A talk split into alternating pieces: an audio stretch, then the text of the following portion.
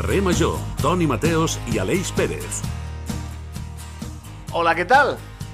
Aquesta nit s'entreguen les preuades estrelles Michelin a Barcelona, als millors restaurants de l'Estat.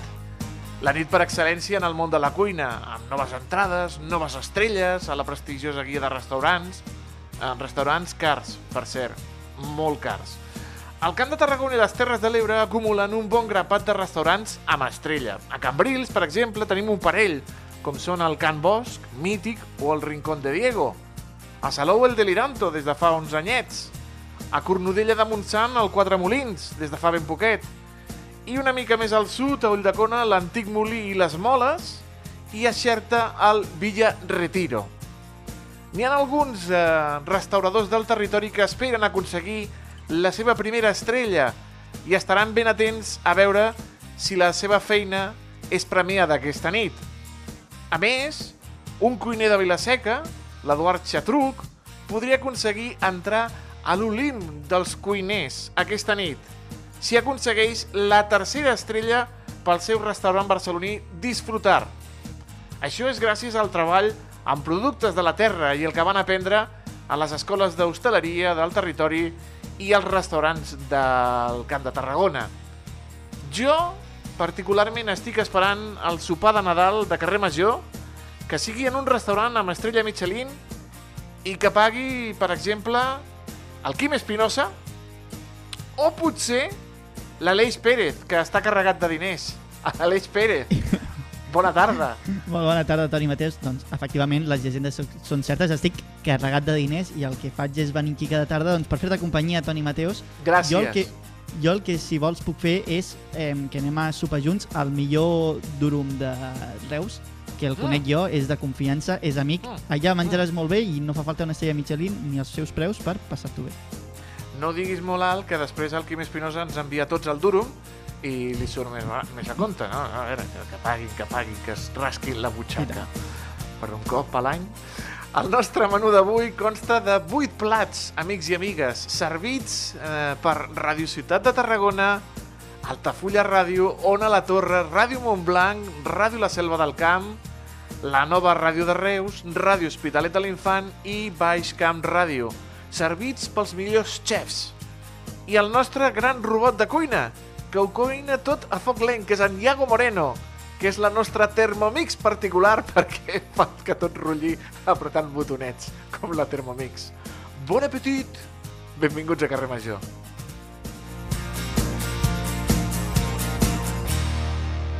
Carrer Major, el primer programa del Camp de Tarragona.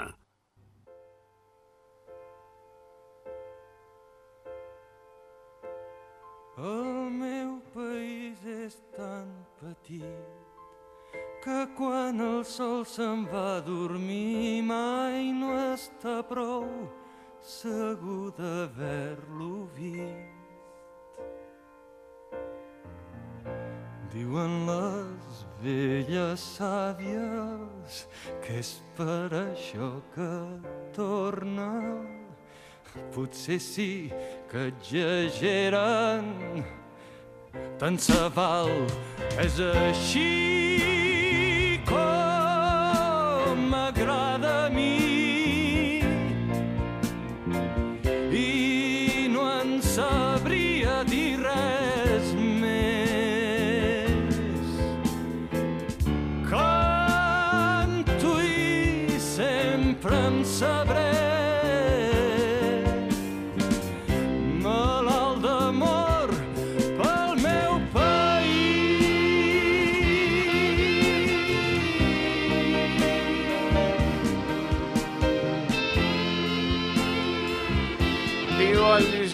aquesta cançó, ara li toca dir allò de El meu país és tan petit que des de dalt d'un campanar sempre es pot veure el campanar veí.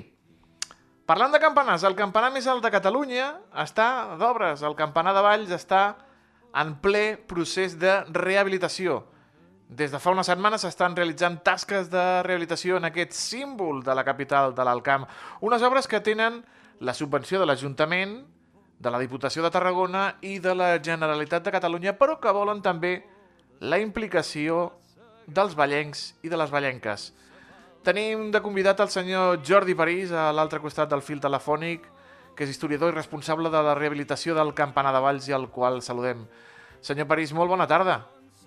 Hola, bona tarda. Unes obres necessàries les del campanar, no? Perquè en quin estat es trobava el campanar de, de l'església de Sant Joan de Valls? Sí, unes obres totalment necessàries. Eh, eh, de fet, el campanar pateix ja fa molts anys d'un problema d'origen, i és que la seva construcció a finals del segle XIX eh, va ser eh, bastant pionera en, en l'utilització del ferro i la pedra.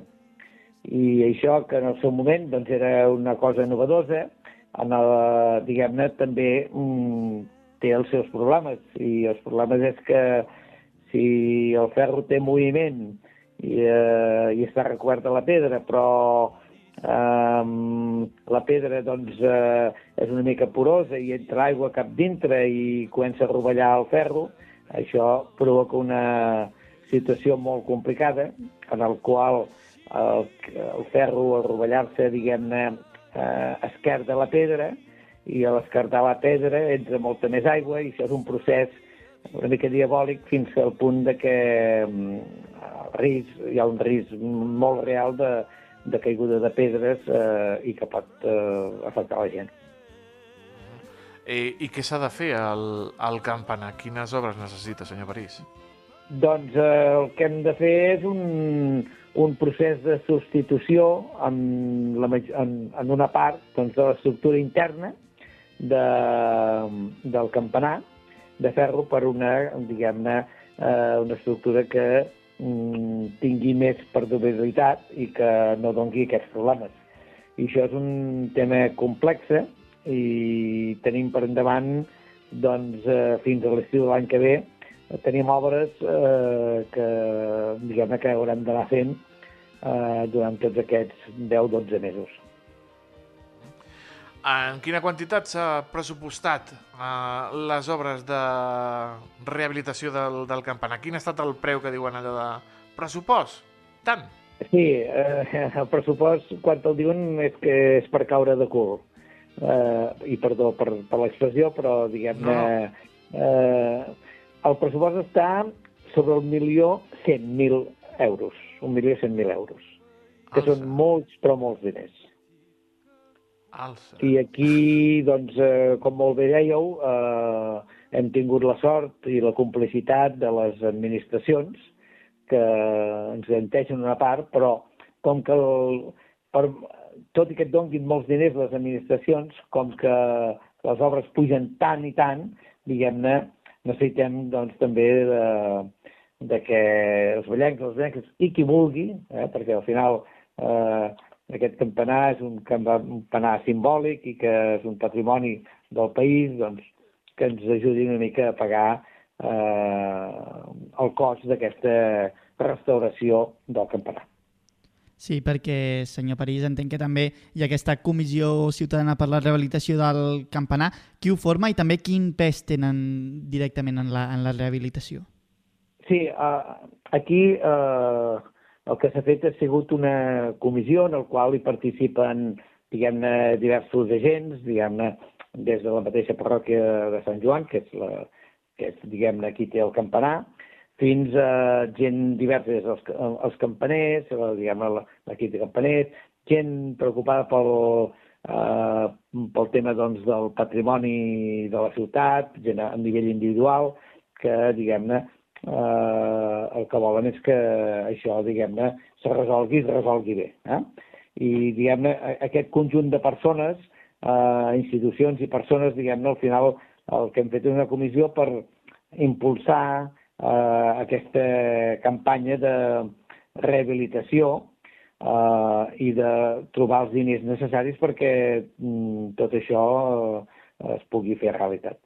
De fet, la comissió ja fa mesos que està treballant mm, perquè, diguem-ne, eh, s'han fet tots els projectes, tot això, diguem-ne, ha passat tots els filtres, diguem-ne, la, les comissions de patrimoni de l'Ajuntament, la comissió de patrimoni de la Generalitat, és a dir, tot això fa molts mesos que s'hi està treballant i ara és el més visible perquè només la vestida que, eh, que es pot veure al campanar és impressionant i, per tant, diguem-ne, una part molt important, una tercera part de tot aquest pressupost l'emporta ja els, eh, els costos de, de tota aquesta vestida eh, immensa que s'ha tingut de construir per poder fer les obres.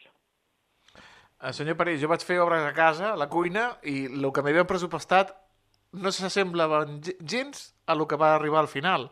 Imagino que també al campanar de Valls poden haver sorpreses, no? Poden, poden passar coses, poden haver-hi eh, peces que s'han de restaurar, que s'han de, de fer, pedres noves, i, i el preu del pressupost pot canviar. Doncs per això han, estan demanant l'ajuda i la implicació dels particulars, dels ballencs i les ballenques, i també d'empreses, no? Sí, i també d'empreses, només faltarien. De fet, eh, eh, una de les eh, coses que insistim moltíssim a l'arquitecte i que, i que ho trasladi a l'empresa és que no ens podem permetre mm, gaires variacions del pressupost, perquè si no, no, no ho podrem pagar.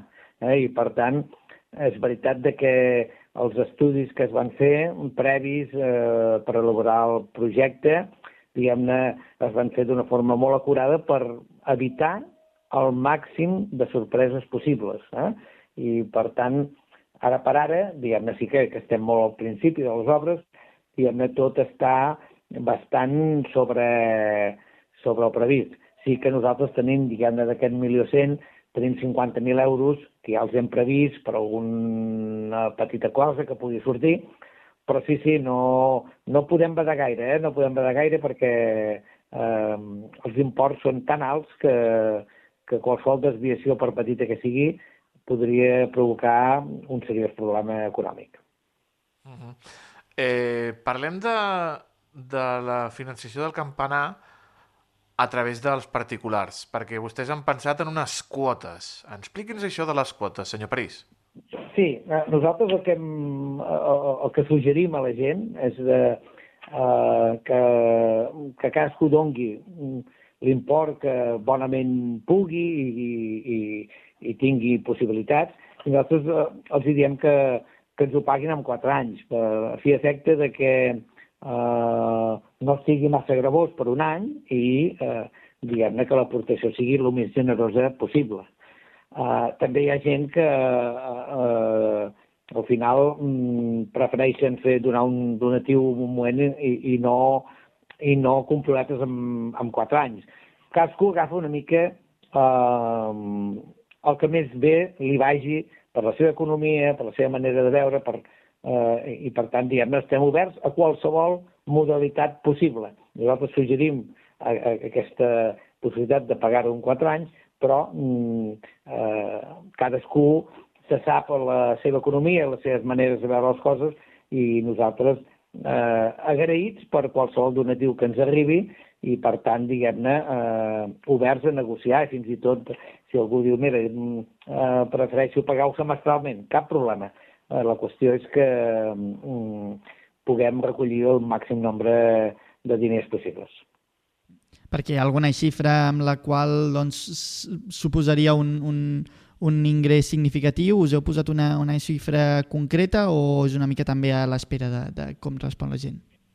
No, nosaltres, nosaltres diguem-ne, en, en, en els fulletons que hem tret, suggerim doncs, 200, 400, 1.000 euros, és a dir, com a, com a xifres que, diguem-ne, a repartir en quatre anys. Eh? A partir d'aquí, eh, diguem-ne, de fet tenim gent que, que al final acaba pagant 800 euros en quatre anys, altres que paguen 1.500 en quatre anys, vull dir que al final eh, hi ha moltes varietats i cadascú, i, i gent que paga 200 euros en quatre anys, eh? i per tant, eh, i hi ha persones que mira, dono 200 euros i aquí acabo mm, perquè jo ara va bé, l'any que ve no sé com aniré, o d'aquí...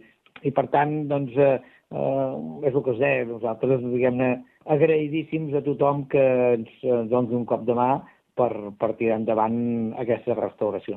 També tenim un número de compte obert i qui vulgui, doncs, si no vol ni comprometre's a res més que simplement fer un ingrés allí, ho pot fer i nosaltres contents.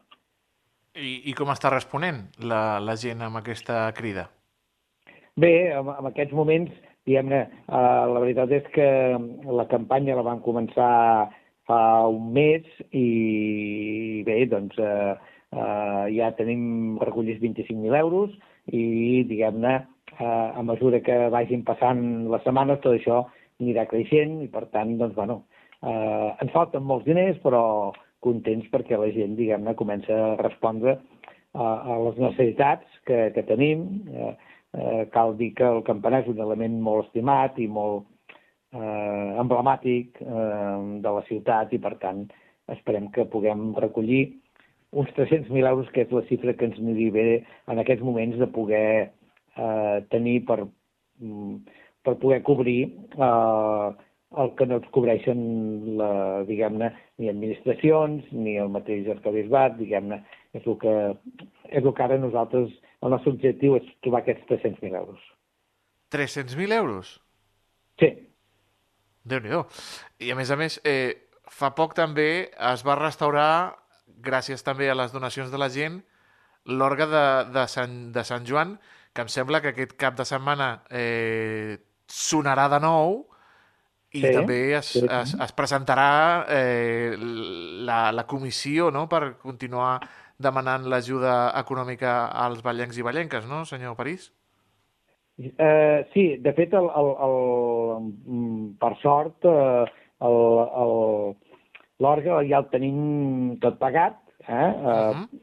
sí que, que haguéssim, podríem ampliar més l'orgue, però ara no és el moment, ni, ni, sinó que ara, diguem-ne, els esforços hem de posar tots pel campanar, que és el que és urgent, i per tant, l'orgue ara ja sona molt bé, eh, si un dia es vol ampliar, diguem-ne, ja hi ha temps per fer-ho, um, i de fet, eh, aquest diumenge passat i aquest diumenge que ve, diguem-ne, fem dos concerts um, per dues persones que s'han animat a aprendre a tocar l'orgue arran de mm, la construcció de, de l'orgue de Valls. I, per tant, són uns m- molt especials perquè um, segurament aquestes persones, si uh, no existís eh, l'orgue eh, de Valls, eh, l'orgue de, dels de Sant Joan, eh, no haguessin après mai a tocar l'orgue.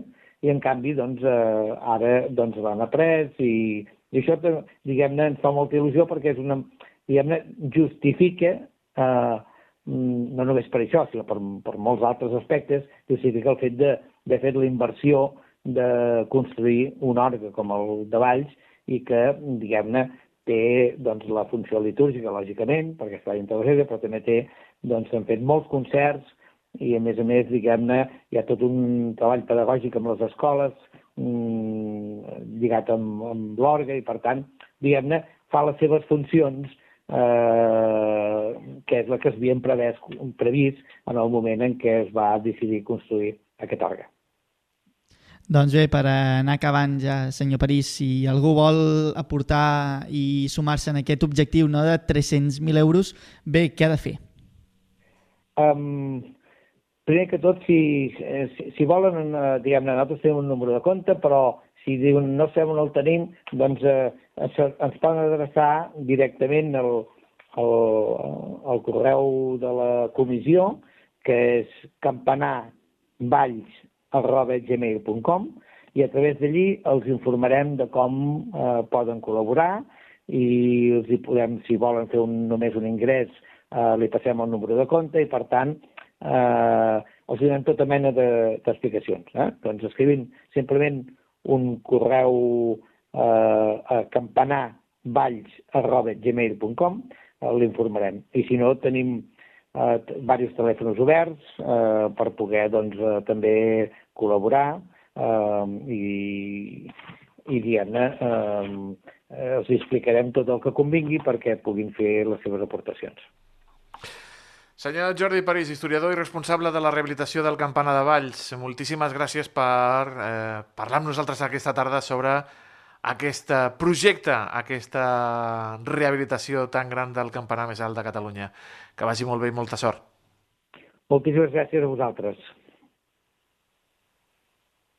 Estàs escoltant Carrer Major. criden fort com si tot aquest volum de veu preparats per marcar-nos les tendències noves que es porten enguany. Paga i et donaran tot el que mai I arriba, Aleix, el moment de parlar de publicitat, com cada 15 dies, sobre els grans secrets de les grans agències, els millors anuncis, les millors campanyes, les més curioses, amb tot un mestre del món publicitari com és en Xavi Franco. Avui parlarem d'una campanya que es va fer viral fa uns anys i que molts coneixeu prou bé per l'impacte que va tenir. Saludem al nostre professor particular en publicitat, el Xavi Franco. Xavi, bona tarda. Hola, bona tarda, què tal? Com esteu? Bé, nosaltres bé, molt bé, molt bé. Però a- abans de tot, tenia Xavi... la dubte si me'n sentia o no. Digues, digues. No, no, perfecte, perfecte, perfecte. Sí, Sí, Abans de tot, hem de dir que el Xavi Franco, alerta l'Eix, el proper dijous a les 12 farà una conferència a la Universitat Rovira i Virgili sobre publicitat. Què els ensenyaràs als que hi vagin a la conferència, Xavi?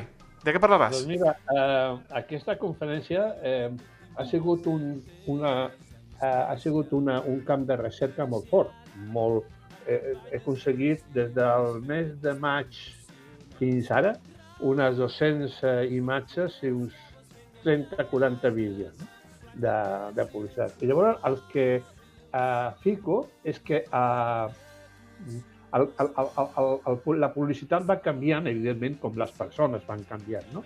Aleshores es diu la publicitat, la, la conferència en si, es diu la, la publicitat impossible avui dia, perquè jo diu el, el, el, el, el seu nom, no? Vull dir, són aquelles campanyes que eh, ara seria impossible qualsevol creatiu, qualsevol agència i qualsevol anunciant eh, a pensar en fer unes campanyes d'aquesta mena. No?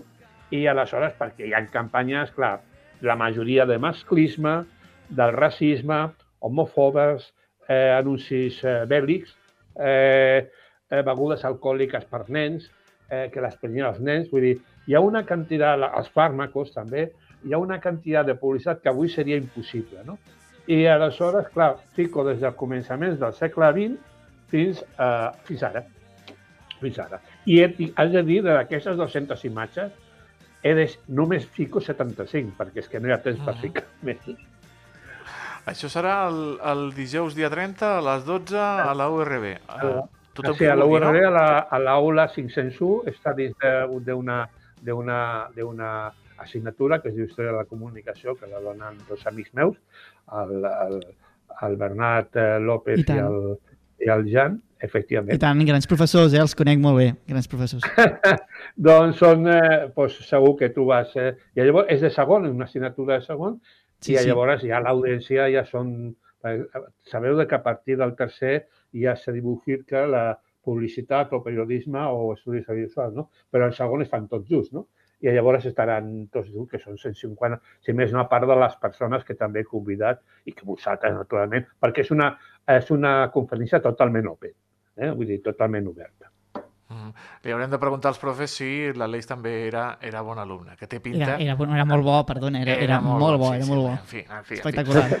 O ja le, ja le preguntaré. Jo Exacte, exacte. amb Després- després molt em passes- Després em passes l'informe. Guardo molt bona amistat, moltíssima.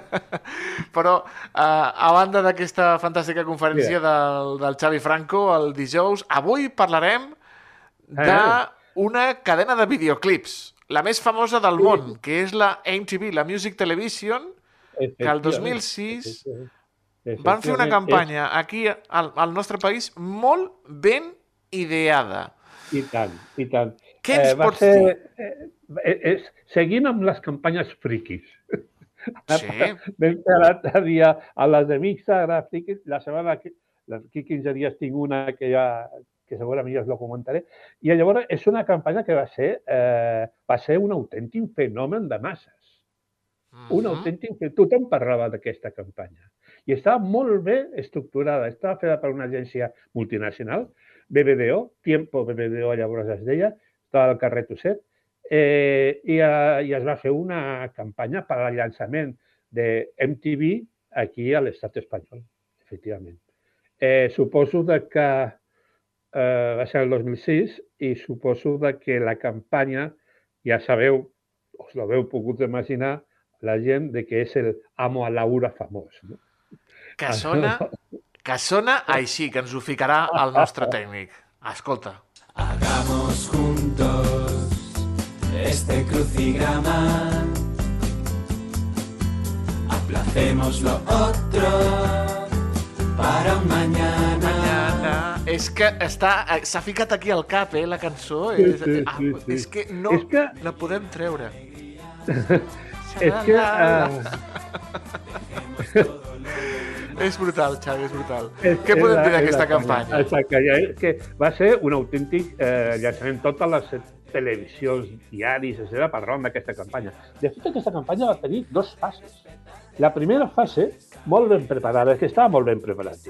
Eh, era eh, unes fotografies de culs, de culs, uh -huh. vull dir, traseros de culs, de que eh, les ficaven en les cases de discs, discogràfiques, en pubs eh, musicals, etc. I llavors, perquè entessis, eh, perquè el seu missatge era la millor manera de mantenerse en forma és bailando. O, eh, o MTV, toda, eh, toda la música que te pide el cuerpo. Van, van, van crear una, una, una, una primera web que es deia zapateandomtv.com, no? I bueno, uh, la gent ja va entrar aquí, no? Perquè eren, a veure, què cony passa així, amb, amb puls, no? Zapateando, no? Però el, el veritable objectiu va ser unes setmanes després, quan es va fer una contracampanya, es va organitzar una, contra, una contracampanya en contra de la campanya de, de MTV. Eh, una, una contracampanya des de també, des de, BTV, de, de, de eh, que eh, naixia, per d'alguna manera, una associació fictícia anomenada Asociación Nuevo Re- Renacer para una Juventud de Màcula. De Màcula. I el grup, eh, eh, tu entraves allà i llavors hi havia un, un, un nou eh, eh, eh, un nou eh, web, una nova web, que deia no mires, em, no mires mtv.com. Evidentment, la gent només fa fal- falta que li proveeixes una cosa perquè entri. Vale? Sí. I llavors I la tant. gent va entrar, la majoria dels missatges anaven en plan e- eròtica, i dins d'aquesta eh, web havia, tot- contenia recursos de tota mena, de, sobre el món satíric, i els, els valors definien totalment els valors de la família tradicional, la castedat, el matrimoni, el matrimoni, i promocionava un grup musical, Happiness. Happiness Happiness. amb aquesta, amb aquesta música que, que, que hem sentit. No? Era un grup musical totalment fictici, naturalment. Era un, Mhm. perquè s'entenem, eren els típics nens del barri de Salamanca, vale? Sí. per dir-ho d'alguna manera, eren els típics nens del barri de Salamanca. O sigui, los Cayetanos. Los Cayetanos i, i, i, els, i els que van a l'autobús de Hazte Oír, per exemple, que aquests no tenen res de, no tenen res de ficticis, aquests No. sí que són reals. Sí. Eh, I aleshores, curiosament, una, eren dos nois i dues noies. Bé, doncs una noia era una, una, una, una presentadora actual molt famosa, que és Lara Álvarez, que uh. -huh. llavors està estudiant periodisme i, i, i es feia, es feia estudiar periodisme i tots, tots quatre estudiaven, eren estudiants i estaven apuntats a... es van presentar amb un càsting, de, càsting de, per fer l'anunci i la van agafar amb ella, però no sabia. Eh, Era, era totalment nou, no? I eh, va, ser, dir, va ser un autèntic eh, fenomen de massa, fenomen de massa. Va ser impressionant el- l'èxit. Eh, Va enganyar- només entre setmanes, eh?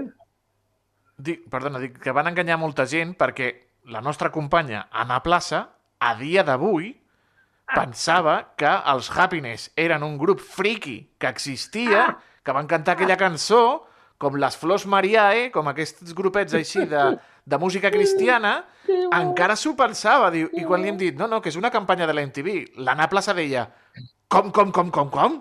Que no existeix aquell grup? No existia? Dic, no, no. El Xavi Franco, estigues atenta que t'ho explicarà. I com ella, moltíssima gent. La, la, la, la veuré un dia d'aquestos, sí, sí, la tinc que veure. I, o ja l'enviaré un web, una, hi ha, hi ha una, una web que explica, de YouTube, que explica aquesta campanya i tota la mandana. Però, eh, Toni, Alex, va ser tan impressionant aquesta, aquesta campanya que en dues, tres setmanes, la primera campanya, la de Zapateando, eh, zapateandomtv.com, eh, dos milions d'impactes, dos milions i mig d'impactes en totes les, els mitjans parlant d'aquesta campanya. I eh, eh, en les entrades, visites, set, més, de 100, set, més de 118. Però la següent, la que estem parlant, la de no mires mtv.com, la que sortia la, l'amo a Laura però esperaré hasta el matrimonio, etc etc. Els, uh, els amics del barri de Salamanca, els Cayetanos, doncs més de dos milions i mig d'impactes, 150.000 visites a la, a la web en dues setmanes, més d'un milió i mig de descargues del vídeo, en dues setmanes parlo, eh? i més de 400.000 referències de Google, de les quals 118 parlaven de MTV. O sigui, Clar, va ser i- un èxit acollonant. Bueno, I a més, Xavi, en aquella que- època, sí, en aquella època, Xavi, a més, internet i Google era, era també un, un, era molt més petit perquè la gent ho entengui. Home, clar, era el 2006, tu. Vull dir, imagina't, no? Era el 2006. Era l'època també... Vull dir, són aquestes... Eh, clar, era la, la gent, eh, la joventut, igual que va passar amb el Pato Bill, eh, Willy, Willix, la joventut era la que dominava, entrava en, en YouTube, en internet i tal, no? En tres setmanes MTV va triplicar la seva quota d'audiència. Mm. Quota de pantalla, perdó. Entre, eh, dir, va triplicar. O sigui, es va convertir en la cadena més líder totalment de continguts musicals. O sigui, va ser una, una cosa acollonant.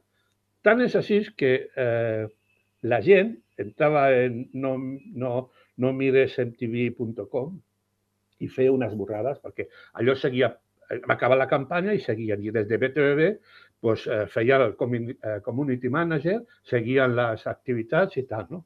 Però hi havia insults, eh, que te cremarem, no sé què i tal, i va decidir, oye, va arribar al cap de 3, 4 o 5 mesos i havia acabat la campanya. Va, va arribar a va, la, la, la web perquè és que n'hi havia insults i tot. De, de gent de que, hòstia, tu, que aneu, què, què, què cony esteu fent? De, de cada sala d'estar així, no? Eh, eren les típiques eh, nois amb, amb el suèter de, de pico, de pico, de, Sí. plovers, i les noies amb falda plissada, eh? les anys 60 o 70. Eh, Guitarretes, que- floretes, sí, sí, gravat en un mitjans, parque... Eh, mitjans, les, les noies mitjans eh, blancs, petits, no? naturalment. Sí. I va ser molt bo. I aquí- Vosaltres us recordeu, no?, d'aquesta Sí, campanya. sí, perfectament, perfectament. Clar, clar, va, va ser un impacte molt, molt, molt gran aquell Amo a Laura, però espera hasta el matrimoni. Que, com hem dit, molts es van pensar que era una, una campanya eh, d'algun grup d'aquests eh, catòlics, eh, ultracatòlics, algun de, grup religiós... Bueno, molts no ho sé. Diguem-ne de Sí, no, molts, molts, molts, molts. Al principi, Pla- clar. L'Anna Plaza. L'Anna Plaça, bueno, l'Anna Plaça s'ho ha- ha, cregut fins ara, que eren un grup d'aquells, un, un grup que existia de veritat, en, en plan eh, Flors Mariae i, i, i aquests grups de, de, de música catòlica. Mm, No s'ha tornat a repetir, la MTV no ha tornat a No. apostar per No, auto, és que aquestes auto campanyes- tirar-se pedres, no? No, és que aquestes campanyes tenen la gran avantatge de que ja estan planificades per començar i acabar. Que si no es cremen.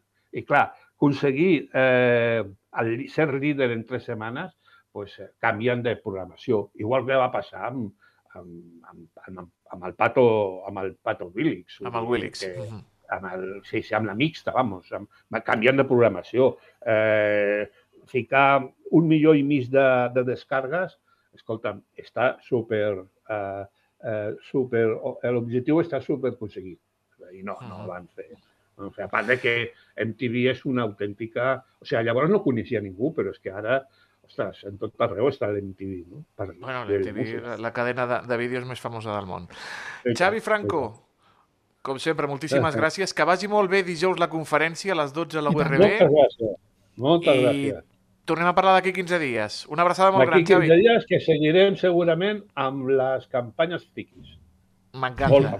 Una abraçada. Adéu. Vinga, igualment. Ciao.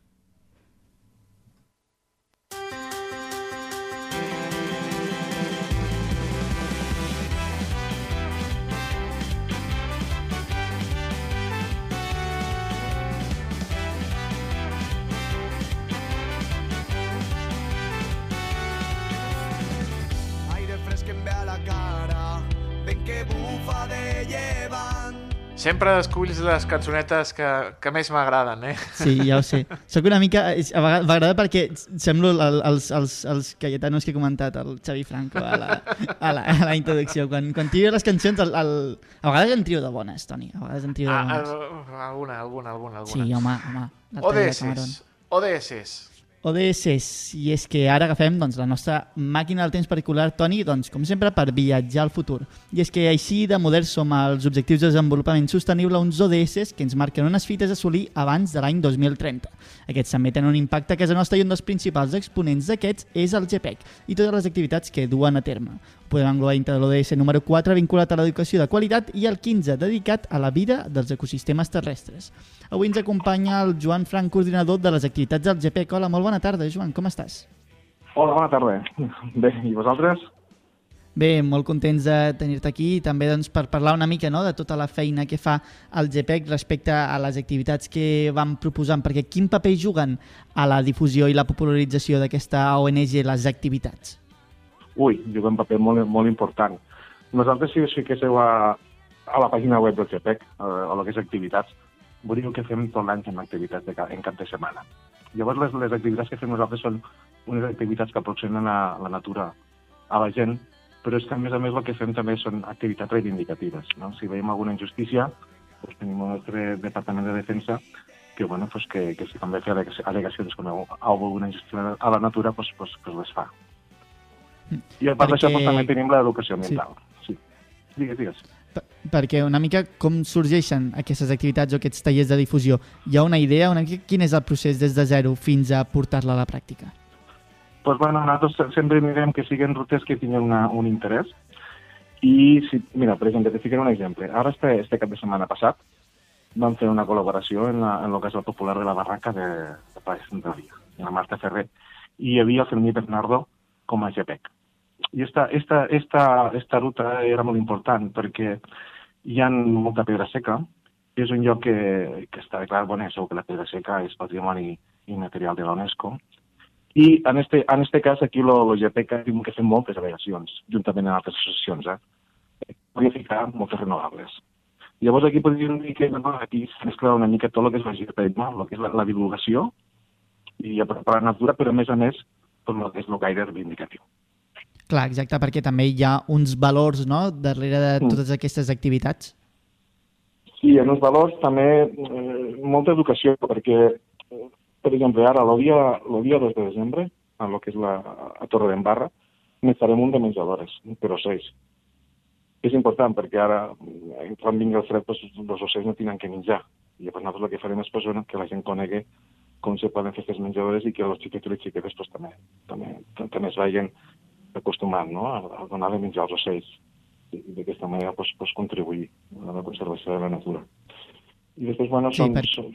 Digues, digues. No, no, digues, digues.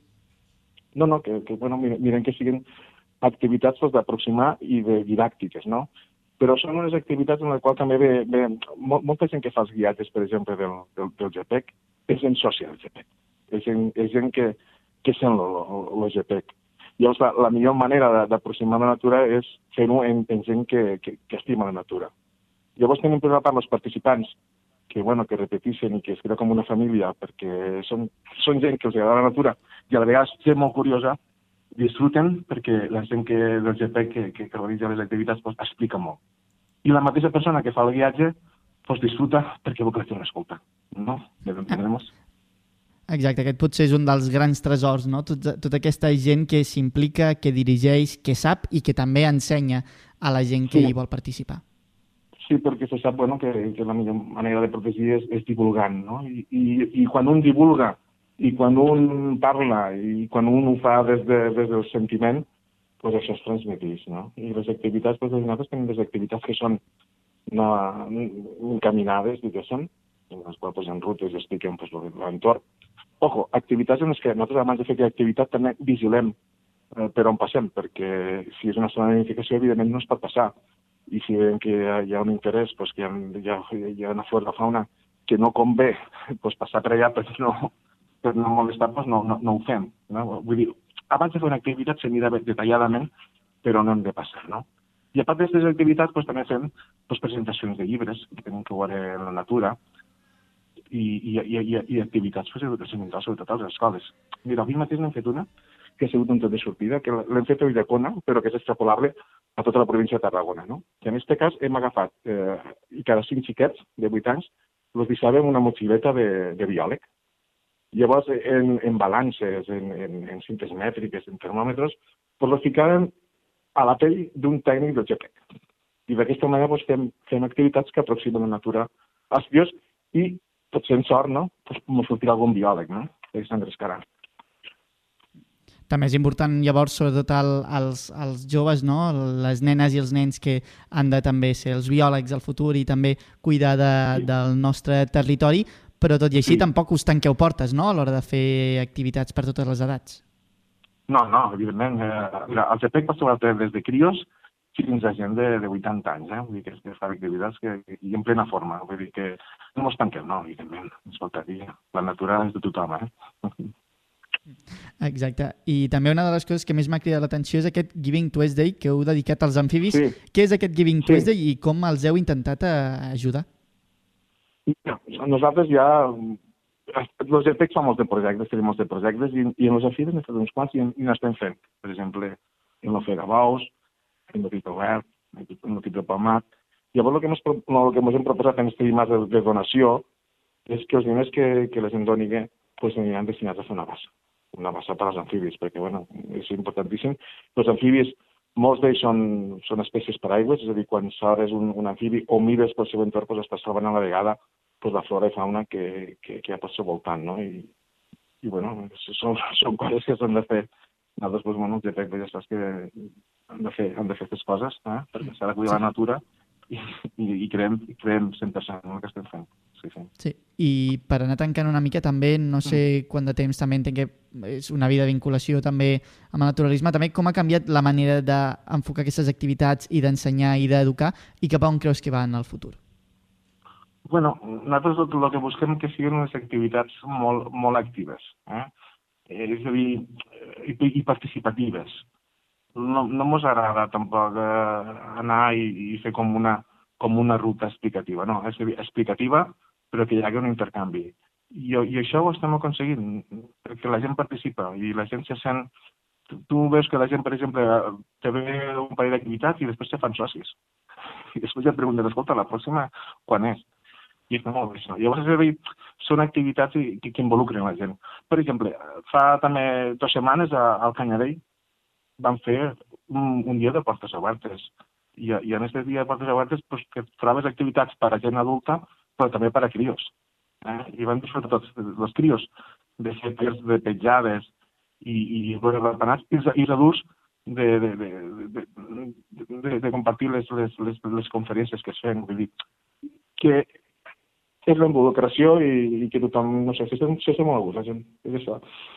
No sé, sense buscar aquestes coses doncs, doncs van sorgint. Sí. Suposo que la gent prova i els agrada i tornen i, i mira, és això.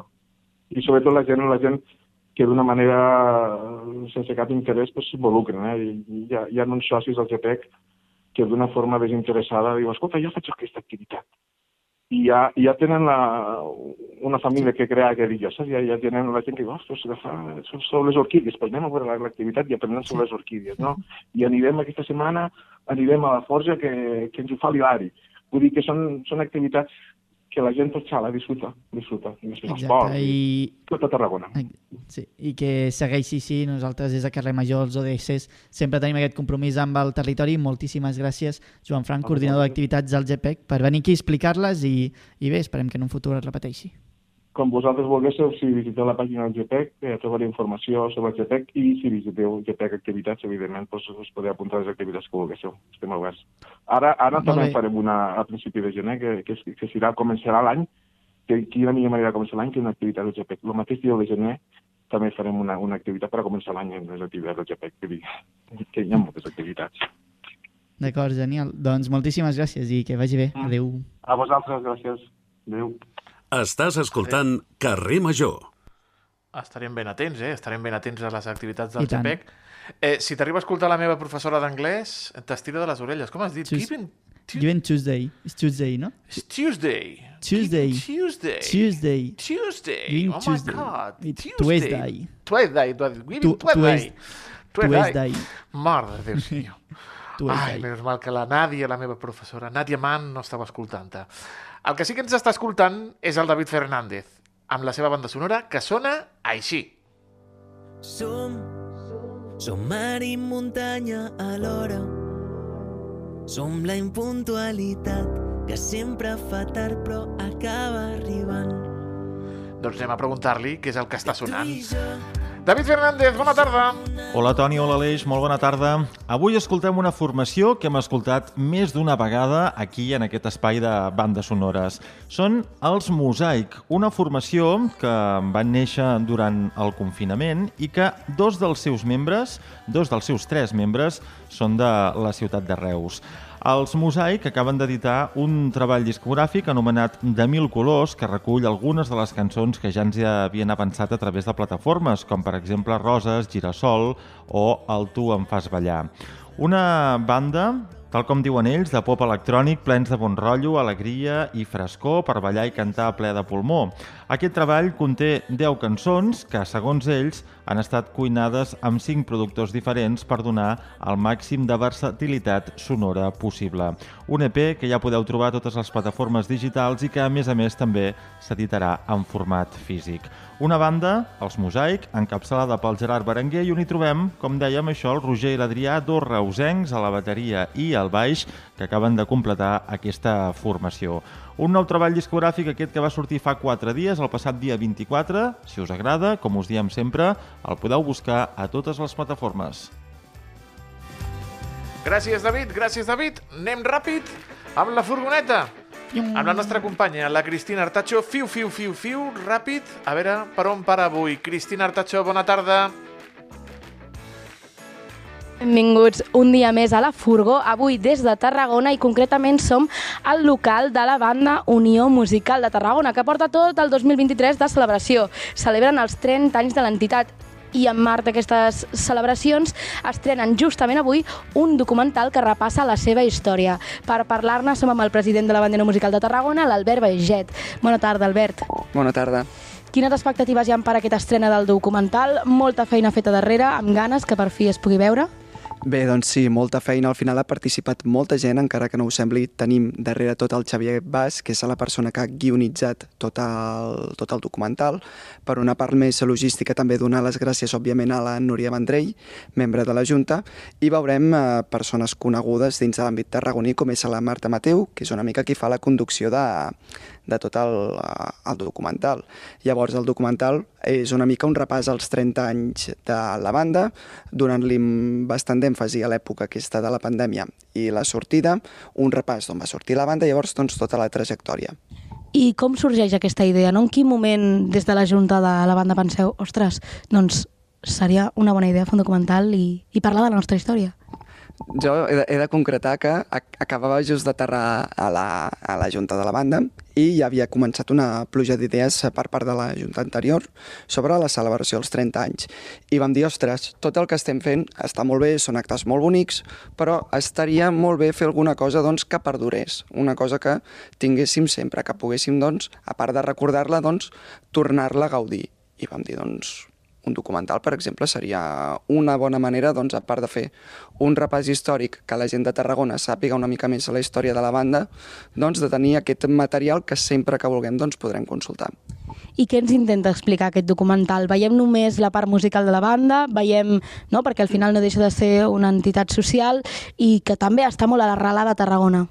Correcte, al final veiem sobretot eh, al principi doncs, els orígens de la banda de, de la banda Unió Musical de Tarragona, d'on surt la boom, també doncs, tot el recorregut musical, les eh, diverses formacions musicals que té l'entitat, però també fa un, uh, fa un èmfasi important en la, en la part social, com molt bé has dit, i també doncs, altres reconeixements que ha tingut a la ciutat i en, a la banda, vull dir, i altres uh, participacions doncs, fora de l'àmbit uh, musical en què la banda doncs, ha tingut un paper important. Parlàvem que aquest documental no és aquest suport audiovisual que perdurarà després de totes aquestes celebracions del 30è aniversari, però què s'ha fet durant tot aquest 2023? Doncs bé, aquest eh, 2023 la veritat és que no hem parat, hem fet eh, moltes coses. Per una part més musical sí que hem fet un concert de, dels 30 anys on vam convidar el Joan Bautista Massaguer, que va ser un dels primers directors de la banda. L'Aleix Baquer, actual director de la banda juvenil, va venir a fer de solista i la Marta Marteu, a qui dit que també veurem el documental, doncs va venir també a col·laborar amb nosaltres. Són gent molt propera a l'entitat i que s'agraeix sempre molt la seva col·laboració. Els 30 anys són una fita important per a aquesta entitat i per qualsevol entitat. Són tres dècades de, de feina ingent, no? No sé en quin estat es troba actualment la banda i té, té salut? Jo crec que actualment la banda té molt bona salut i gaudeix d'un estat eh, molt bo.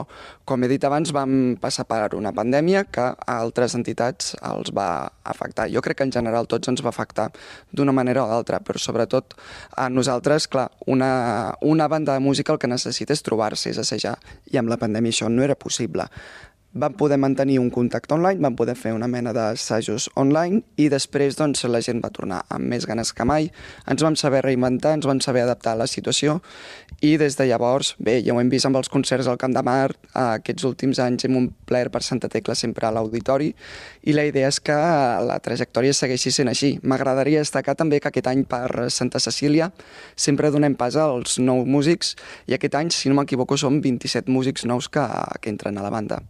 Llavors, 27 músics nous. De quants músics estem parlant que té la banda unimusical ara mateix? Estem parlant eh, que al final a, a l'escenari ens podem acabar reunint vora 90, 100 músics en total. Normalment sí que més eh, plantilla fixa, diguéssim, són 70-80, però podem arribar a les 90-100 persones del d'un escenari un concert a Santa Cecília on no només actua la banda sinfònica de la Unió Musical, sinó també les altres agrupacions de l'entitat, la banda infantil, la juvenil i la Big Bang Boom, veritat? Correcte. Al final és un concert sempre molt especial per això, perquè és el concert de reunió de tota l'entitat, de les quatre bandes, i sobre aquest any té un valor encara més important, perquè so, sí que són els 30 anys de la banda Unió Musical de Tarragona, però a la vegada són els 20 anys de la banda infantil i els 10 anys de la Big Band Boom. I hi ha moltes ganes de fer tot aquest aniversari conjunt. I ja per tancar, eh, després de no, el que parlàvem, la fita dels 30 anys, en clau de futur, què li espera la banda Unió Musical o què aspira?